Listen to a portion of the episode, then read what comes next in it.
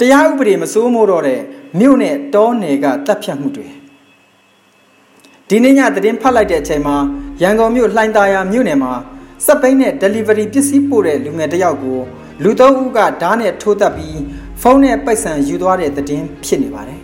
။နောက်သတင်းတစ်ပုဒ်ကတော့ပြင်ဦးလွင်မြို့မှာနက်နက်စောစောနေအိမ်ကိုတခိုးဝင်ရောက်ခိုးယူစဉ်အင်ရှင်မိသားစုနိုးပြီးအင်ရှင်မျိုးသမီးအသက်ခံရက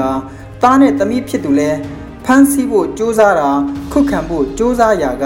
ဒဏ်ရာရခဲ့တဲ့သတင်းဖြစ်ပါတယ်။တချို့သောနေမျိုးတွေရဲ့ကြေးရွာတွေမှာလုံခြုံရေးအခြေအနေတရားဥပဒေစိုးမှုအခြေအနေတဖြည်းဖြည်းဆိုးရွားလာနေပြီးလက်နက်ကင်ထားတဲ့စစ်ကောင်စီတပ်တွေကတိုက်ခိုက်မှုမိရှို့မှုပြစ်ခတ်မှုနဲ့ဖမ်းဆီးမှုတွေကိုစိုးရိမ်လို့အသက်အန္တရာယ်မကျရအောင်နေအိမ်တွေကနေစွန့်ခွာတိမ်းရှောင်နေကြချိန်မှာ တံပိုးရှိတဲ့ပစ္စည်းတွေယူဆောင်တာရိတ်ခါတွေဖျက်ဆီးတာရှိနေတယ်လို့ပဲ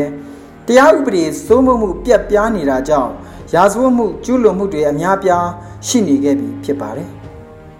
လူအသက်ဟာအရေးကြီးဆုံးလို့ဆိုကြတော့လဲအသက်မသေးပဲကြံရစ်သူတွေမှာ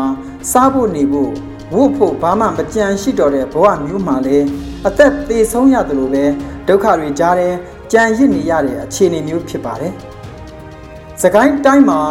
မကွေးတိုင်းမြောက်ပိုင်းမှာကယားပြည်နယ်မှာကရင်ပြည်နယ်မှာ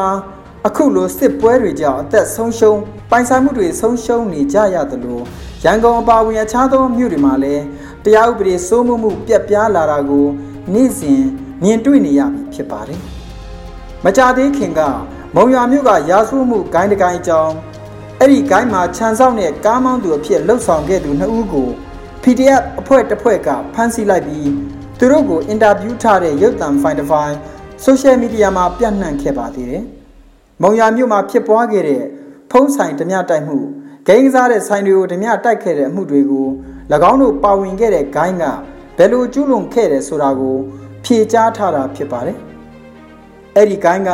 မုံရမြို့ရဲ့ရက်ွက်တစ်ခုမှာနေထိုင်ကြတာဖြစ်ပြီးတိုင်းရဲနဲ့ဆက်ဆံရေးရှိကြတဲ့သဘောမျိုးလဲဖြေကြားထားတာဖြစ်ပါတယ်။ ဒါကိုကြည့်ရင်ရဲတွေကတရားဥပဒေစိုးမိုးရေးကိုမလုပ်ကြတော့တဲ့အပြင်တရားဥပဒေမဲ့လူရက်ဓမြတိုက်နေတဲ့အမှုအခင်းများစွာကိုလည်းမျက်နာလွှဲထားအကောက်အစားရယူထားတဲ့သဘောများလို့ယူဆရပါတော့မယ်။နိုင်ငံရေးစန့်ကျင်သူတွေကိုရဲတွေကစစ်ကောင်စီတပ်နဲ့တွဲဖက်ကဖမ်းဆီးတာစစ်ဆေးနှိပ်စက်တာတွေလှုပ်ဆောင်ကြတာကြောင့်ရဲတွေကိုလည်း PDF အဖွဲ့တွေအနေနဲ့လောက်ကျန်တပ်ဖြတ်တာတွေရဲစခန်းဘုံခွဲတာတွေ ရဲကင်းတွေကိုပြစ်ခတ်တာတွေလှုပ်ဆောင်နေကြပြီးနောက်ရဲတွေကတရားဥပဒေစိုးမိုးရေးကိုမလှုပ်ဆောင်တော့ဘဲအထက်ကအခြေအနေမျိုးဖြစ်အောင်လစ်လျူရှုခွင့်ပြုထားတာလို့ဆိုနိုင်ပါတယ်။ခိုးယူဖောက်ထွင်းမှုတွေညဘက်မှာနေရာတိုင်းလူလိုဖြစ်ပွားနေတာကြောင့်ရန်ကုန်မြို့ရဲ့မြို့နယ်တချို့ရက်ကွက်တချို့မှာမိမိတို့ရက်ကွက်ကတအိမ်တယောက်အလှည့်ကျကင်းဆောက်ဖို့ပြန်လဲစော်ဩနေကြပြီဖြစ်ပါတယ်။ရက်ကွက်တွေထဲလှေကားတော့ဖြတ်ပြီး စက်ပိန်းရေမော်တာခိုးယူတာတွေဖြစ်နေကြအဖြစ်ပြက်တွေလိုဖြစ်လာနေပြီးအိမ်ထဲဝင်ရောက်ခိုးယူတာအိမ်ရှင်သိသွားတဲ့အခါမှာတပ်ဖြတ်တာမျိုးတွေလည်းနေ့စဉ်လိုလိုဖြစ်ပွားနေတာကြောင့်အခုလိုရက်ွက်တချို့မှာမိမိတို့ဘာသာကင်းဆောက်ကြဖို့လှုပ်ဆောင်လာကြရတာဖြစ်ပါတယ်။တစ်ဖက်နဲ့တစ်ဖက်စစ်ဖြစ်ပွားနေချိန်စစ်ရေးအရနေရာယူထားတဲ့နေမီတွေကအုတ်ချုပ်ရေးအာဏာဆုတ်ခွာသွားချိန်မှာလူဆိုးတွေဓမြတွေကလက်နဲ့နဲ့ဓမြတိုက် လူသက်လူရက်ကြတဲ့အဖြစ်ပြက်တွေဒုတိယကမ္ဘာစစ်မီကူးဆက်ချိန်ကမြန်မာနိုင်ငံမှာဖြစ်ပွားခဲ့တဲ့အတွေ့အကြုံတွေရှိခဲ့ပါတယ်။အဲ့လိုကာလမှာခစ်စန်းစာရေးဆရာတိတ်ပံမောင်ဝကိုဓမြတွေတတ်ဖြတ်ခဲ့တဲ့ဖြစ်ရပ်ကလည်းယဉ်နှင့်စရာဖြစ်ပွားခဲ့ဖူးပါသေးတယ်။အခုအခြေအနေကပြည်ရင်းစစ်လို့ဆိုရမယ်လက်နက်ကင်ပြိပခကကြေးရွာတွေမှာပုံစံတစ်မျိုးနဲ့မြို့ပေါ်တွေမှာမတူတဲ့ပုံစံနဲ့ဖြစ်ပွားနေပြီး တရားဥပဒေမစိုးမိုးတော့တဲ့အခြေအနေမျိုးဖြစ်လာနေတာပါစစ်ကောင်စီရဲ့အုပ်ချုပ်ရေးပြပြပြပြင်းဆက်ခွာသွားတာမျိုးမရှိသေးတဲ့ဒေသတွေမှာဘယ်လိုတရားဥပဒေစိုးမိုးရေးကိုထိန်းကြမလဲဆိုတာအရေးပါတဲ့မေးခွန်းတစ်ခုလည်းဖြစ်နေပါတယ်လက်နက်ကင်ဖွဲ့စည်းတွေသာတာဝန်ရှိတာမဟုတ်ပဲ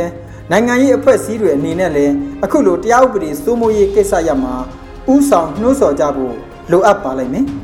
လူတုကလက်ချီတက်တက်နဲ့တူးချင်းတူးချင်း မိမိအိမ်မိမိကာကွယ်ဖို့စ조사နေကြတာထက်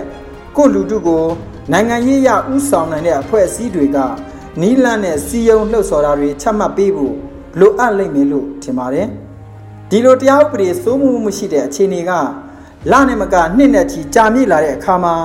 လူထုထဲကအချို့ကစစ်အာဏာရှင်ဆန့်ကျင်မှုတော်လှန်ရေးဆိုတာကိုစိတ်ပြက်ကောင်းစိတ်ပြက်လာနိုင်တဲ့အနေအထားမျိုးလဲတွေးဆထားတင်ပါတယ်။နိုင်ငံရေးအရဥဆောင်နေဆိုတဲ့အထိပ္ပယ်က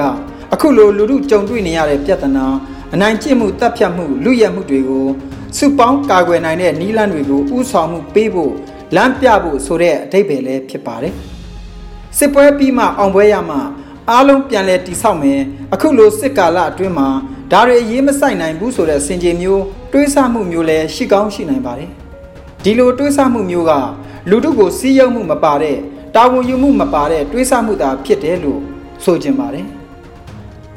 မြန်မာနွေဦးခရိုနီကယ်အော်တိုဘာလ23ရက်နေ့မြင်ကွင်းမိုးမခ